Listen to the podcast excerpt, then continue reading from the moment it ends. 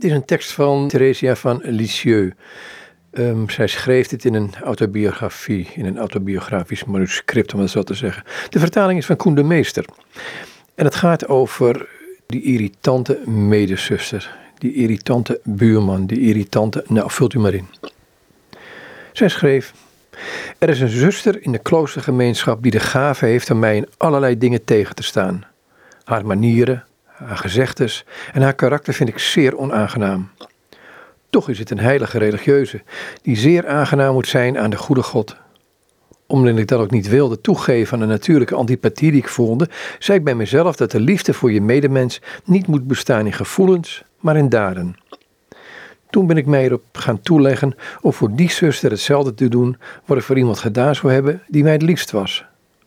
Elke keer als ik haar tegenkwam, bad ik voor haar en dan offerde ik al haar deugden en verdiensten aan God op.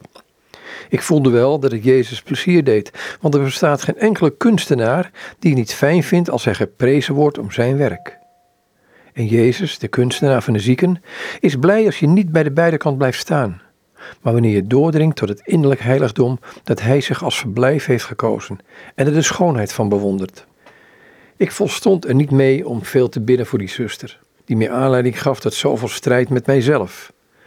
Ik probeerde haar ook alle mogelijke diensten te bewijzen.